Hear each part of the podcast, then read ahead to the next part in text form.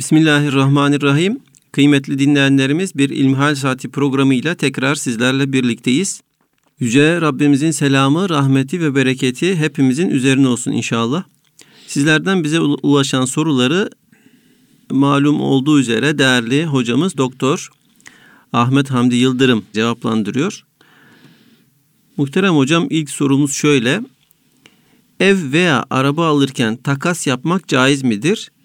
Yani evi ev ile arabayı araba ile takas yapmak, üstüne para ekleyerek daha iyisini satın almak. Ben bir hadis duymuştum. Peygamber Efendimiz hurmayı takas eden Hazreti Bilal Efendimiz'i ikaz ediyor. Böyle yapma, sat yenisini al diyor. Ev ve araba için de bu geçerli mi? Faize girer miyiz? Elhamdülillahi Rabbil Alemin ve salatu ve selamu ala Resulina Muhammedin ve ala alihi ve sahbihi ecmain. Cenab-ı Allah Kur'an-ı Kerim'inde faizi yasakladığı ayeti kerimelerde müşriklerin faizle alışveriş arasında bir irtibat kurmaya çalıştıklarını hatta o kadar faizi benimsediklerini ki benzetecekleri zaman alışverişi alışverişe faizi benzetmek yerine alışverişi faize benzetmektedirler. Diyorlar ki Kur'an-ı Kerim'in ifadesiyle innemel bey'u mislur riba. Alışveriş de faiz gibidir. Halbuki alışverişin herkes tarafından kabul edilen ticari bir eylem olduğu bir hakikatken benzetmeyi ona değil onu tartışma konusu olan faize yapmaktalar. Buradan şunu ifade etmeye çalışıyorlar. Yani faiz e, artık herkesin kabul ettiği bir gerçektir. Halbuki o dönemde de yakın döneme kadar da faizle iştikal edenler toplum içerisinde lanetlenen bir kesimdir. Bu günde tefecilik dediğimiz faizin bir çeşidini yani resmi olmayan çeşidini uygulayanlar yine toplum tarafından kınanan, ayıplanan tefecilik bir efendim hakaret unsuru olarak kullanılan ifadedir. Fakat 18. yüzyılın başlarında Hollanda'da artık bir resmi uygulama aracı haline geldikten sonra yavaş yavaş bütün dünyaya bu illet, bu bela yayılmıştır. Temelde Cenab-ı Allah Kur'an-ı Kerim'de bizlere birbirinizin malını batıl yollarla yemeyiniz. İlla en tekune ticareten an taradin. Ancak karşılıklı rızaya dayanan ticaret söz konusu olursa birbirinizin malını yiyebilirsiniz buyurmaktadır. Buna da kabaca alışveriş diyoruz. Bir taraf ihtiyacı olan malı talep ediyor, diğer tarafta bunun karşılığında ya ihtiyacı olan malı alıyor veya parayla karşılık veriyor. Şimdi karşılıklı rıza meselesi temelde ticaretin omurgasını oluşturmaktadır. Karşılıklı rıza olduğu zaman alışveriş geçerli bir durum arz etmektedir. Fakat şeriatımız belli kıstaslar, belli ölçüler vazetmiş. Bu ölçülere herkesin riayet etmesini istemektedir. Bu ölçülere aksi bir durum söz konusu olduğunda tarafların rızası bir mana taşımamaktadır. Bunların bir tanesi de şeriatımız faizli alışverişi yasaklamıştır, faizi haram kılmıştır. Nitekim e, müşriklerin alışveriş de faiz gibidir sözüne Cenab-ı Allah itiraz ederek ve ahallallahu'l bey'a ve harramer riba buyurmaktadır. Nasıl aynı olsun ki Allah faizi haram kılmış, alışverişi helal kılmıştır. Binaenaleyh biri haram, biri helal iken bunlar birbirinin aynısı, benzeri nasıl olabilirler? Allah faizi haram kılmıştır. Haram demek cehennem demektir. Müslümanın uzak durması gereken bir meseledir. Ki faiz yasağı sadece Müslümanlıkta değil, bütün dinlerde mevcuttur. Bütün beşeri sistemlerde de mevcuttur. Az önce ifade ettiğimiz gibi 18. yüzyılın başında Hollanda'da Yahudiler tarafından uygulanması resmi olarak başlatılmış, böylelikle bütün dünyaya yayılmıştır. Fakat bugün bile hala faiz kötü bir şey olarak bilinir. Sıfır faiz eğilimi üzerinde bugün bankalar, dünyadaki gelişmiş olan ekonomiler çalışmaktadırlar. Şu kadar var ki e, faizin ne olduğunu bilmemiz gerekiyor. Faizi yine Hz. Peygamber aleyhissalatü vesselam Efendimizin lisanından öğreniyoruz. Arkadaşımızın, kardeşimizin dediği gibi Hz. Peygamber aleyhissalatü vesselam Efendimiz altı tane madde zikrediyor. Bu maddelerin birbirleriyle değişimi biliyorsunuz ilk dönemde değişim daha çok malların mallarla değişimi şeklinde oluyordu. Ticaret, alışveriş. Para çok yaygın bir şekilde kullanılmıyordu.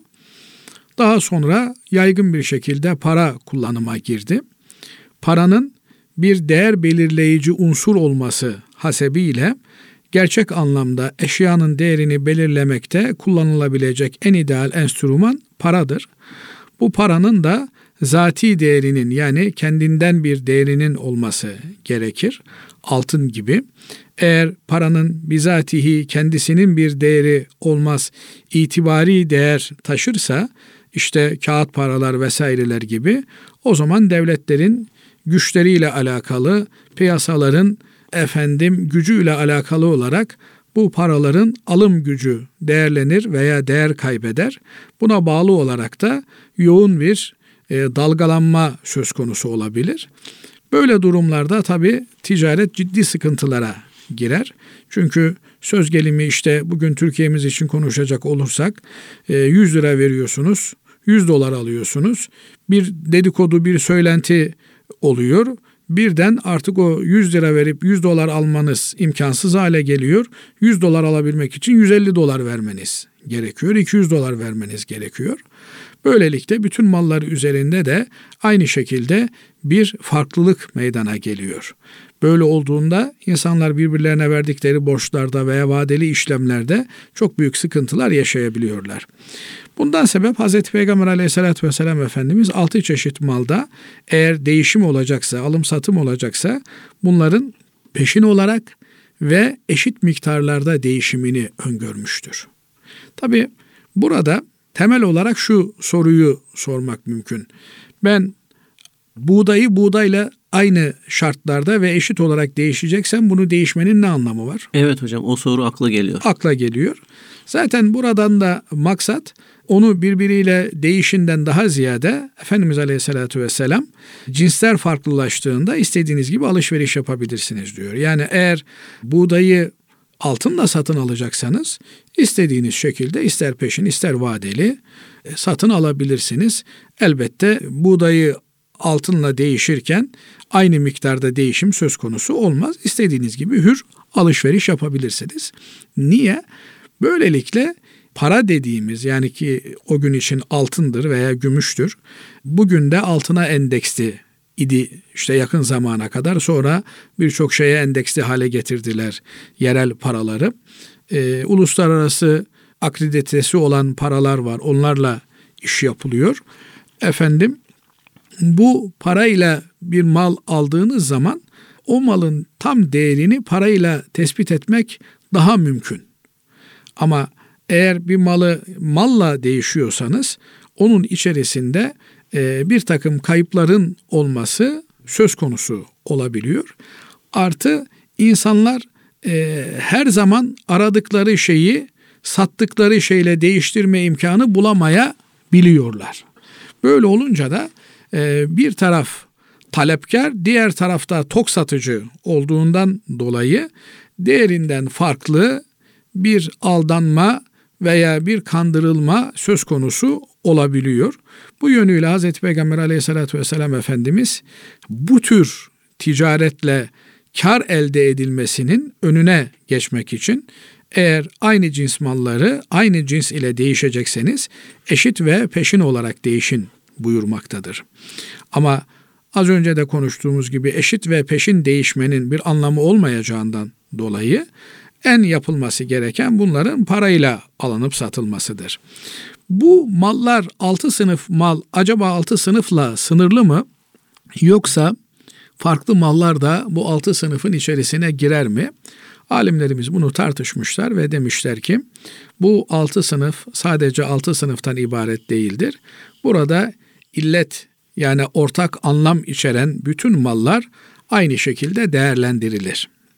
Bu değerlendirmeyi hangi kıstas üzerinden, hangi illete bağlı olarak yapacaklarına dair de görüş alışverişinde bulunmuşlar.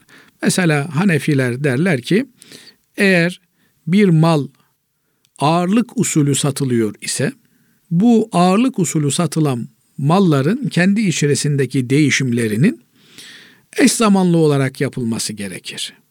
Aynı cinsten ise o zaman eşit miktarda ve eş zamanlı gerçekleşmesi gerekir.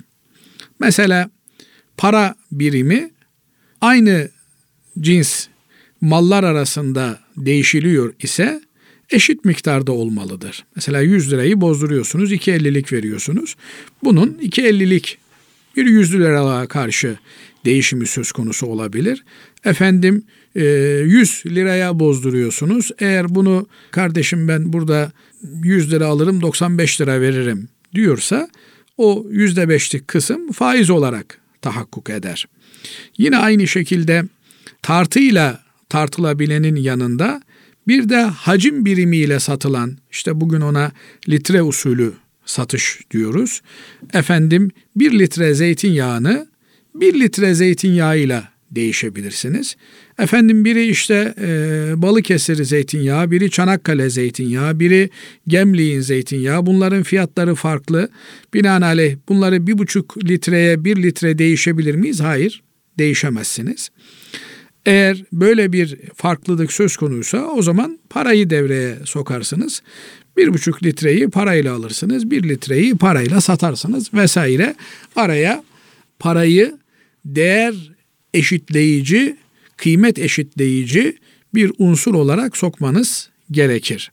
Şimdi değerli kardeşimizin sorduğu araç meselesine gelince araç değiş tokuşunda, satımında, el değiştirmesinde kiloyla satış veya hacim birimiyle metreküp hesabı bir satış söz konusu olmadığından bunlar adet hesabı satılan ve her bir adedi de birbirinden farklı olan e, mallardır.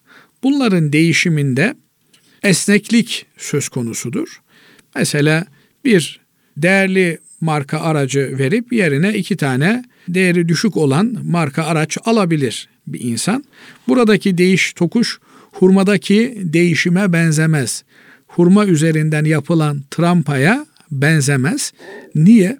Hurmada kiloyla veya hacimle eşitleme yapmak mümkün iken efendim araçlarda, binek otomobillerde veya diğer vasıtalarda bunu yapmak mümkün değildir. Ama söz gelimi sıfır marka, fabrika çıkışı filan otomobilden bir tane verip karşılığında aynı otomobilden iki tane almak caiz midir diye sorsanız burada faiz olduğu çok açık ve net bir şekilde söylenebilir. Niye?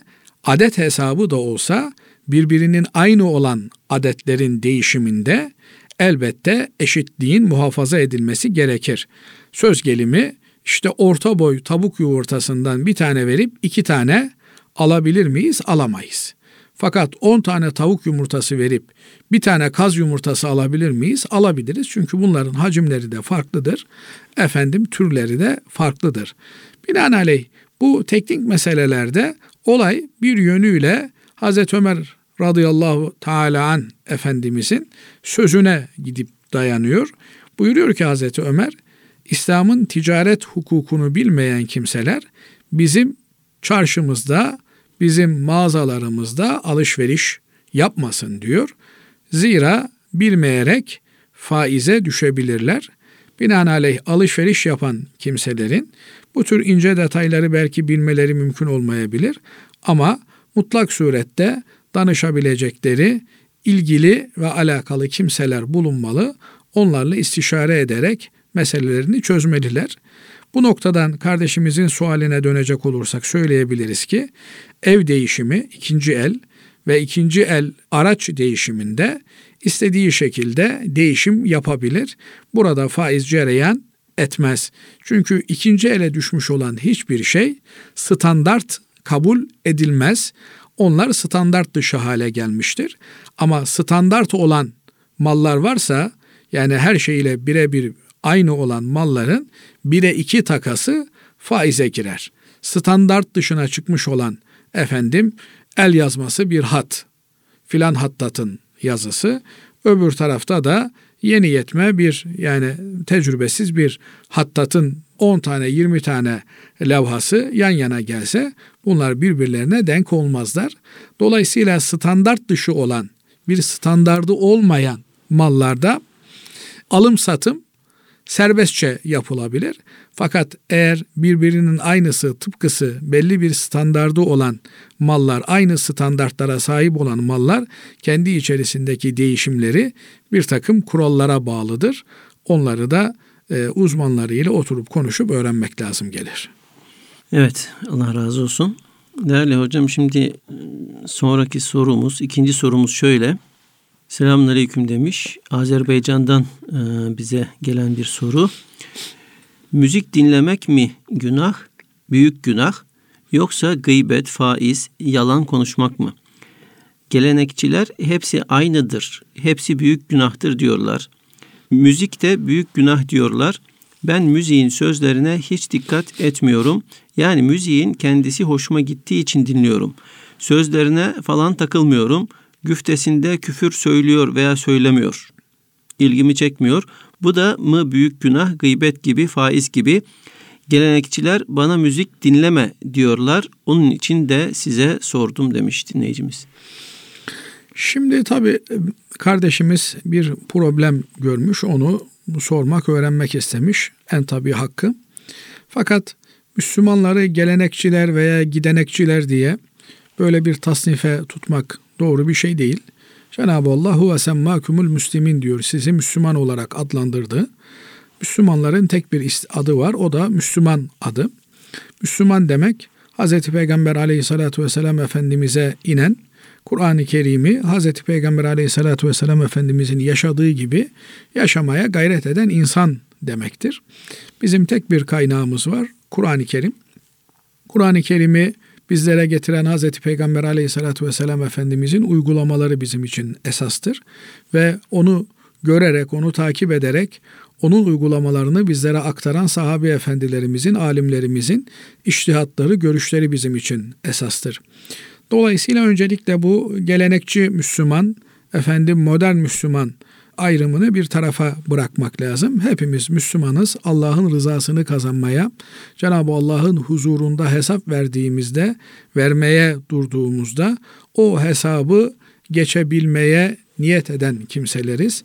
Cenab-ı Allah hepimizin hesabını kolay eylesin. Amin. Hesabını sağ tarafından alan, kitabını sağ tarafından alan, hesabını kolayca verebilen kullarına hatta hesapsız, kitapsız cennete dahil ettiği kullarına bizleri koysun. Bu dünya hayatından maksat ahireti kazanmaktır. Bu dünya hayatı bizim için gelip geçici bir tarla hükmündedir. Burada ahireti kazanabilecek ameller yapmaya, çalışmalar yürütmeye mecburuz. Binaenaleyh bütün eylemlerimizi de bu noktayı nazardan değerlendirmemiz gerekiyor. Bir diğer husus da kardeşimiz o mu daha büyük günah, bu mu daha büyük günah diye soruyor. Aslında hangi günahın büyük olduğu veya küçük olduğundan daha ziyade günah nedir buna bakmak lazım. Eğer günah Allah'a karşı bir isyansa, Allah'ın emirlerine karşı bir itaatsizlik ise, Allah'ın yasaklarına karşı bir cüret ise, Allah'a karşı işlenen hiçbir efendim günahın küçüğü vardır denilemez. Eğer bu günah Allah'a karşı işlenmişse onun büyüğü küçüğü olmaz. Her günah büyük günahtır bu anlamda. Ama bazı günahlar vardır ki bunlar basit gerekçelerle, basit sebeplerle e, ödenebilen, kefareti ödenebilen günahlardır. Onun için Cenab-ı Allah buyuruyor ki Estağfirullah in tectenibu kebairal ism vel fevahişe illellemem. Eğer siz büyük günahlardan, günahların büyüğünden ve fuhşiyattan, çirkinlikten kaçınırsanız illellemem efendim işte basit günahlar veya elinizde olmadan işlediğiniz efendim e, maksatlı olarak yapmadığınız şeylerden kaçınırsanız Allah sizi mağfiret eder, bağışlar, cennetine kor. Bu noktayı nazardan baktığımız zaman ısrarla yapılan bir de işte istemeden Efendimiz Aleyhisselatü Vesselam hani bir harama bakan kimseyle ilgili bir yabancı kadına gözü takılan kimseyle ilgili ilk bakışın sorumluluğu yok ama bakışını takip ettirirsen o zaman sorumluluğu var buyuruyor. Niye? E işte yolda giderken gözüne takıldı. E senin elinde olmayan bir şekilde iraden dışı e, senin görme alanının içerisine girdi. Ama ondan sonra gözünü ondan alamaz. E, izlemeye devam edersen, takip etmeye devam edersen o zaman o efendim basit günah olmaktan çıkmış, kasıtlı maksatlı bir günah haline gelmiştir. Binaenaleyh büyük ve küçük günahla ilgili çok farklı tasnifler söz konusu. Ama bunların içerisinde en kabul edilebilir olan kasıtlı veya kasıtsız işlenen günahlardır. Eğer bir kimse bir günahı kasıtlı işliyorsa onun küçüğü, büyüğü olmaz. O büyük günahtır. Binaenaleyh kasıtlı bir şekilde günah işlemekten kaçınmak lazım. E, ne demek kasıtlı bir şekilde günah işlemek? Sen Allah'a karşı isyan ediyorsun. Yani bu isyanın küçüğü, büyüğü olmaz. Bu saygısızlığın küçüğü, büyüğü olmaz. Ama bilmeden, istemeyerek efendim irade dışı bir yanlışlık olmuşsa elbette Cenab-ı Allah bağışlayandır, affedendir. Cenab-ı Allah yaptığımız hataları, günahları bağışlasın diye dua ederiz, tövbe ederiz. Şimdi müzik dinlemeye gelince müzikle ilgili e, insanın اَلَّذ۪ينَ يَسْتَمِعُونَ الْقَوْلَ فَيَتَّبِعُونَ اَحْسَنَ Sözü dinleyen ve en güzeline tabi olanlar diyor Cenab-ı Allah.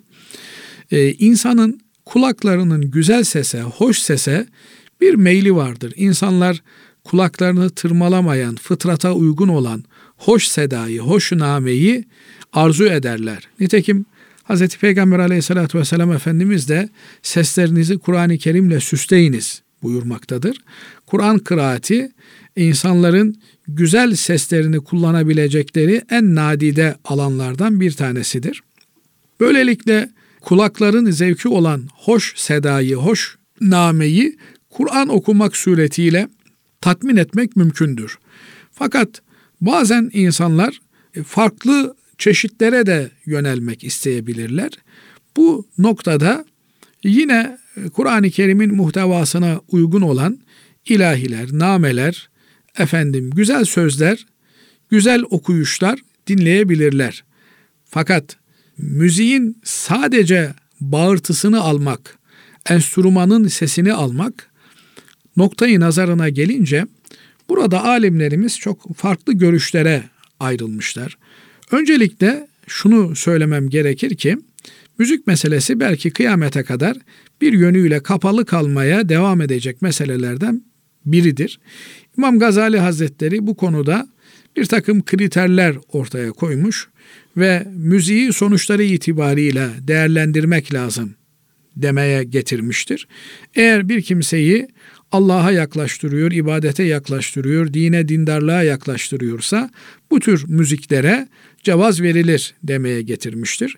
Ama bir kimseyi dinden imandan soğutmaya, fıskı fucura, günaha itiyorsa bu tür müzikler de haram olarak değerlendirilir demiştir. Mamafi müziğin, enstrümanların ne manaya geldiği, hangi frekans üzerinden neler ifade ettiğine dair özellikle de İslam hukuku alanında çalışan kimselerin kanaatimce yeterli bilgilerinin olmadığı görülüyor. Böyle olunca da bir şeyi bilmeden onunla ilgili hüküm vermek mümkün olmadığından dolayı efendim ne var bunda bu da olabilir diyerek müziği meşru görmeye yönelik efendim bir takım enstrümanları özellikle de çok sesli enstrümanları böyle bağıran çağıran enstrümanları belli bir frekansın üstünde ses çıkaran enstrümanları da meşru görme eğilimi ağır basmaktadır. Fakat günümüzde müzikle ilgili yapılan çalışmalara şöyle üstün körü bakıldığında bile müziğin insan beynini etkileme e, yönünün olduğu, beyine verilen bir takım frekanslarla insanların etki altına alınabileceği görülmektedir. Bugün yaygın olarak gündemde olan uyuşturucu müzik türü, dijital uyuşturucu müzik türü birçok kimseler tarafından bilinmekte ve uyuşturucu almış gibi insanları etkileyen bir müzikten, dijital müzikten bahsedilmekte.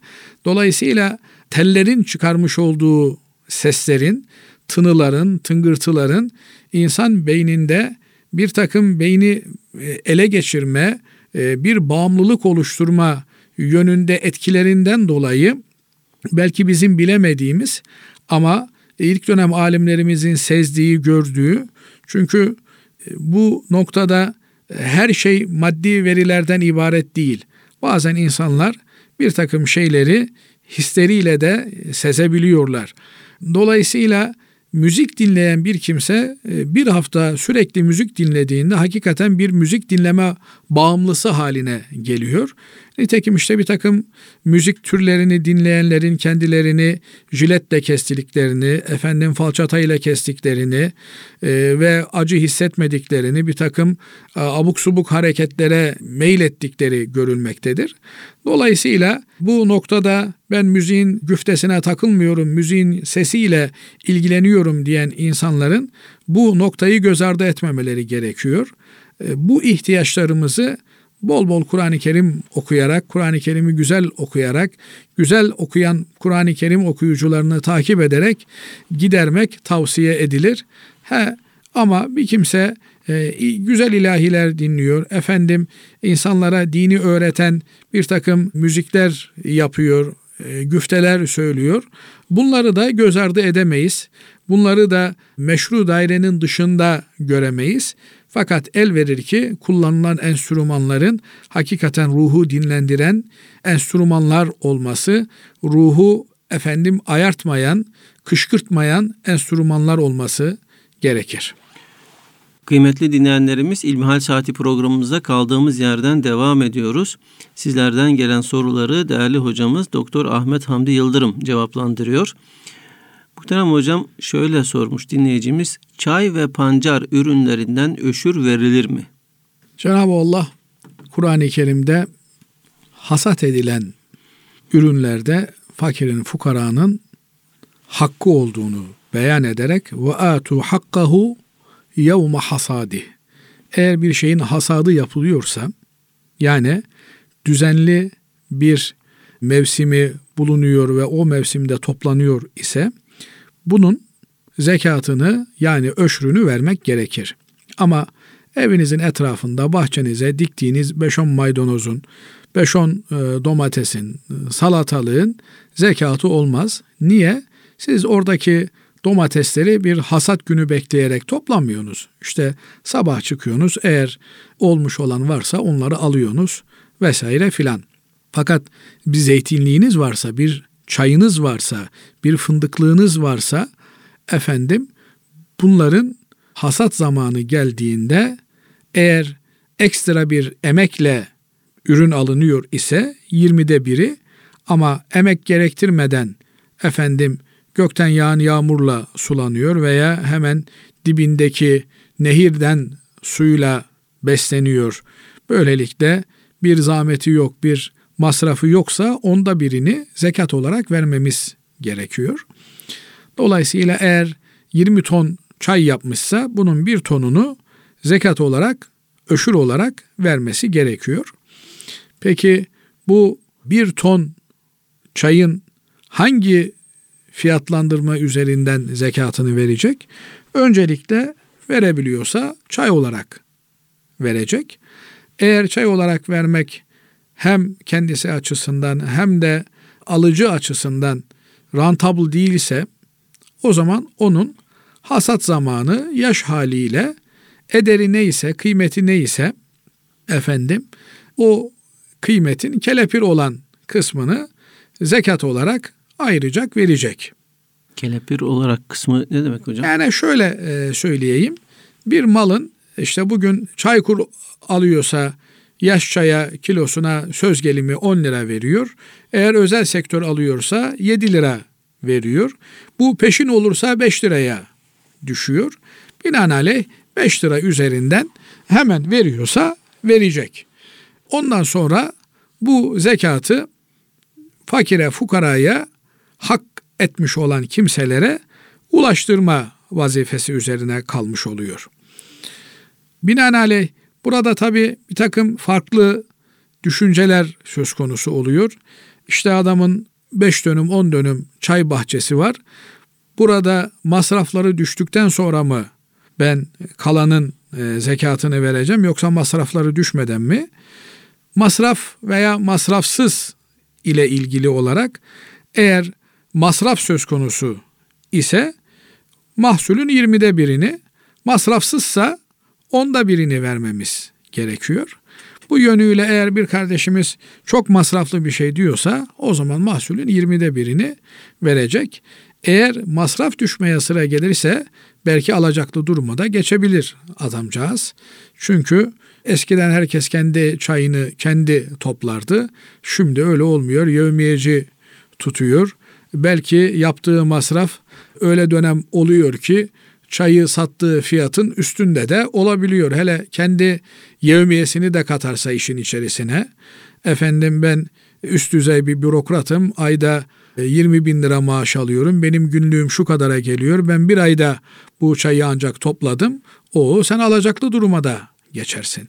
Dolayısıyla alacaklı verecekli hesabı olmadan eğer masraflı ise 20'de bir, masrafsız ise mahsulün ürünün onda birini öşür olarak vermek gerekiyor. Zaten bir defa oradan yani indirmiş oluyor. Yani Evet. E, evet. ilave bir indirim söz konusu değil. Diyor ki diğer bir dinleyicimiz beyazlamış saçı siyaha boyamak veya siyah saçı sarıya boyamak caiz midir? Şimdi beyazlamış saçını niye siyaha boyuyor adam? Bunun üzerinde belki biraz durmak lazım. Herhalde ihtiyarladığını görmek istemiyor. Çünkü beyazlık biraz da ihtiyarlık alabeti. Hani bir menkıbe anlatırlar. Hazreti Ömer Efendimizle ilgili bir adam tutmuş yevmiye ile adamın vazifesi her gün Hazreti Ömer'e ahireti hatırlatmak. Sabah gelirmiş Ömer ahiret var ha öleceğiz hesaba çekileceğiz dermiş. Yevmiyesini alır gidermiş. Bir gün gelmiş Hazreti Ömer Efendimiz'e yine aynı şekilde vazifesini yerine getirmiş. Ömer Efendimiz yevmiyesini vermiş. Bundan sonra gelmene gerek yok demiş. Hayırdır demiş bir kusurun bir kabahatim mi oldu demiş. Yok demiş ama artık demiş sakalıma ak düştü demiş. O bana ahireti hatırlatıyor. Dolayısıyla hikayenin bu yönünden bakarsanız biraz da ahiretten kaçmayı, ölümü unutmayı çünkü simsiyah saçlar genç demek ki daha yaşayacak ömrü var anlamına geliyor. Binaenaleyh bu tür bir amaç da yapılıyor ise doğru görülmemiş. Mekruh görülmüş. Fakat eğer cihada katılan bir kimse ise cihatta işte 70 yaşında pirifani birini karşısında gören adamın psikolojisiyle 25 yaşında saçı sakalı simsiyah bir adamı gören düşmanın psikolojisi bir olmayacağı için bu gibi noktalarda genç görünmek, kuvvetli görünmek, psikolojik bir üstünlük sağlayacağı için savaş meydanlarında böyle bir maksada yönelik ise o zaman aksine teşvik edilmiş. Fakat Müslüman için önemli olan sünneti yaşamaktır. Hazreti Peygamber aleyhissalatü vesselam Efendimizin sünnetini yaşamaktır. Hazreti Peygamber Efendimizin sünnetinde de kınanın kullanıldığını görüyoruz. Eğer bir ihtiyaç varsa kınayla saçlarını e, veya sakallarını bir kimse e, siyaha veya kızıla çaldırabilir. Kınayla yapılan tam siyah olmaz, kızılımsı siyah olur. Bu tür bir ihtiyaç söz konusu olduğunda bununla giderebilir.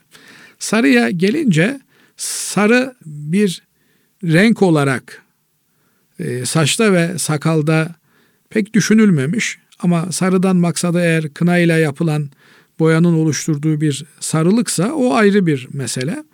Bunun haricinde e, genelde Bu herhalde kadınlar için bazen kadınlar sarıya boyatıyor ya hocam. Evet kadınların e, saçlarını boyatmalarına gelince bir zinet olarak, süs olarak kadınlar saçlarını boyatabilirler.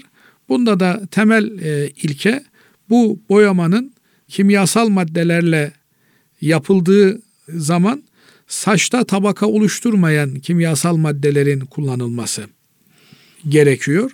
Aksi halde e, eğer saçta bir tabaka oluşturuyorsa suya e, mani olacak bir e, hacim bırakıyor ise o zaman bu sıkıntı meydana getirir. Bunu da nereden anlamak mümkün?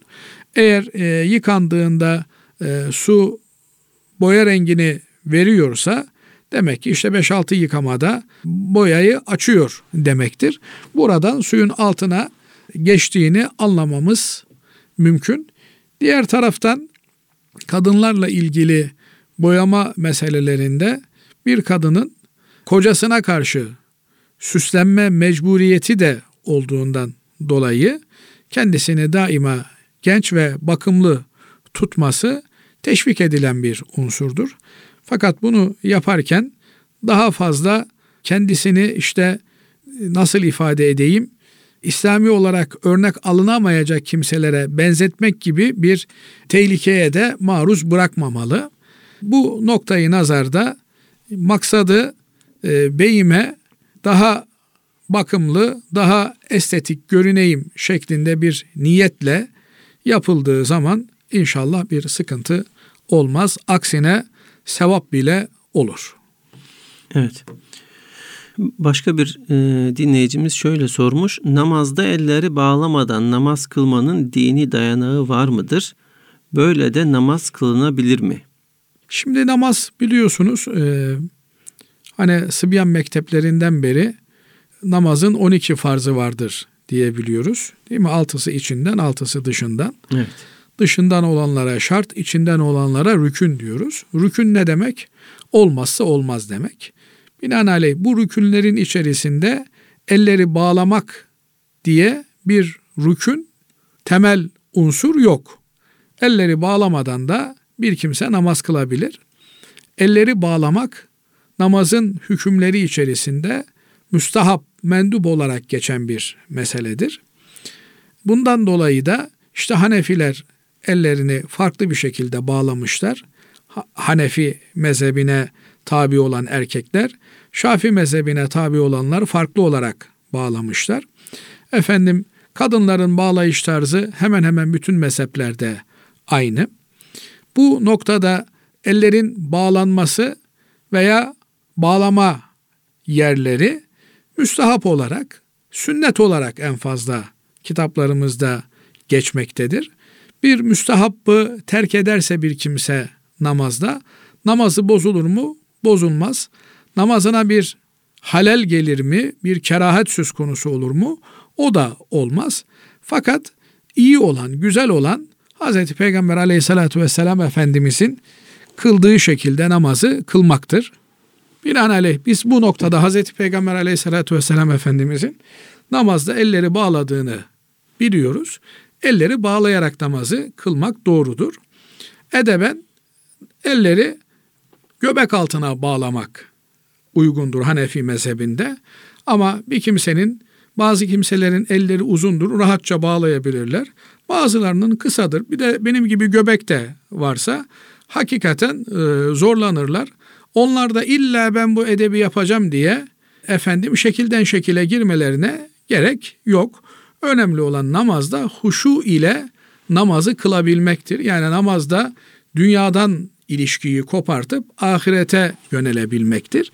Eğer bir kimse bu huşu dediğimiz Allah'ın huzurunda olma bilincini tam anlamıyla yaşayabiliyor ise onun elini nasıl bağladığı veya bağlayıp bağlamadığı o kadar önemli değildir. Fakat bununla beraber elini mesela böğrüne koyup da işte böyle kibir alameti gibi yapması veya böyle beden dili diye bugün ifade edilen tarzda ellerini farklı bir şekilde beline bitiştirmesi, sırtına alması şeklinde de abuk subuk şeyler doğru olmazlar. Fakat bazen dediğim gibi adamın elinde ağrı olabilir veya işte e, güçten takatten düşmüş olabilir. Ellerini yanına sarkıtabilip bu şekilde de namaz kıldığı olmuş İmam Malik Hazretlerinin. Bu yüzden Maliki mezhebinde kollarını kenara salarak da bir kimse namazını kılabilir. Ama bir mazeret yok ise o zaman namazı el divan diye ifade ettikleri tarzda göbek altında bağlayıp namazı bu şekilde kılmak gerekir. Cenab-ı Allah namazı Hocam, düzgün kılabilmeyi nasip etsin hepimize. Amin. Allah razı olsun. Beden dilinden bahsettiniz. Bazen e, özellikle Arap dünyasında ve onların etkide bulunduğu e, coğrafyalarda gördüğümüz şey böyle çok aşırı e, bir şekilde e, ayakları aralayarak namaza durmak. Bu da yani dinde olan bir şey mi, mezheplerde olan bir şey mi yoksa o, o, şekilci bir anlayışın, lafızcı bir anlayışın maalesef ürünü. Ee, Hazreti Peygamber Aleyhisselatü vesselam Efendimizle beraber namaz kılan sahabe efendilerimiz namazlarını omuz omuza, ayak ayağa kılarlardı. Efendimiz Aleyhisselatü Vesselam da omuzlarınızı birbirine yapıştırın, ayaklarınızı birbirine yapıştırın diye buyururdu. Şimdi bu ayaklarını birbirine yapıştırın ifadesini almışlar, omuzları bırakmışlar. Hatta bazen o beden dili de e, omuzlarını da böyle dirseklerini yine bellerine koyacak şekilde sözde omuzlarını da dirseklerini de birleştiriyorlar. Buradan maksat şu. Sahabe-i kiram efendilerimiz diyorlar ki bizim elbiselerimizin en erken yıpranan kısmı omuzlar olurdu. Niye? Çünkü o kadar saflar birbirine sıkışıktı ki o sürtünmeden omuzlar en evvel yıpranırmış. Şimdi böyle omuzların birbirine bu kadar kenetli olduğu bir namazda adam ayağını ne kadar açabilir? Ancak omuzları hizasında açabilir. Dolayısıyla ayakların pozisyonu Hanefi mezhebinde en az dört parmak açık olacak şekilde en fazla da omuz hizasındadır.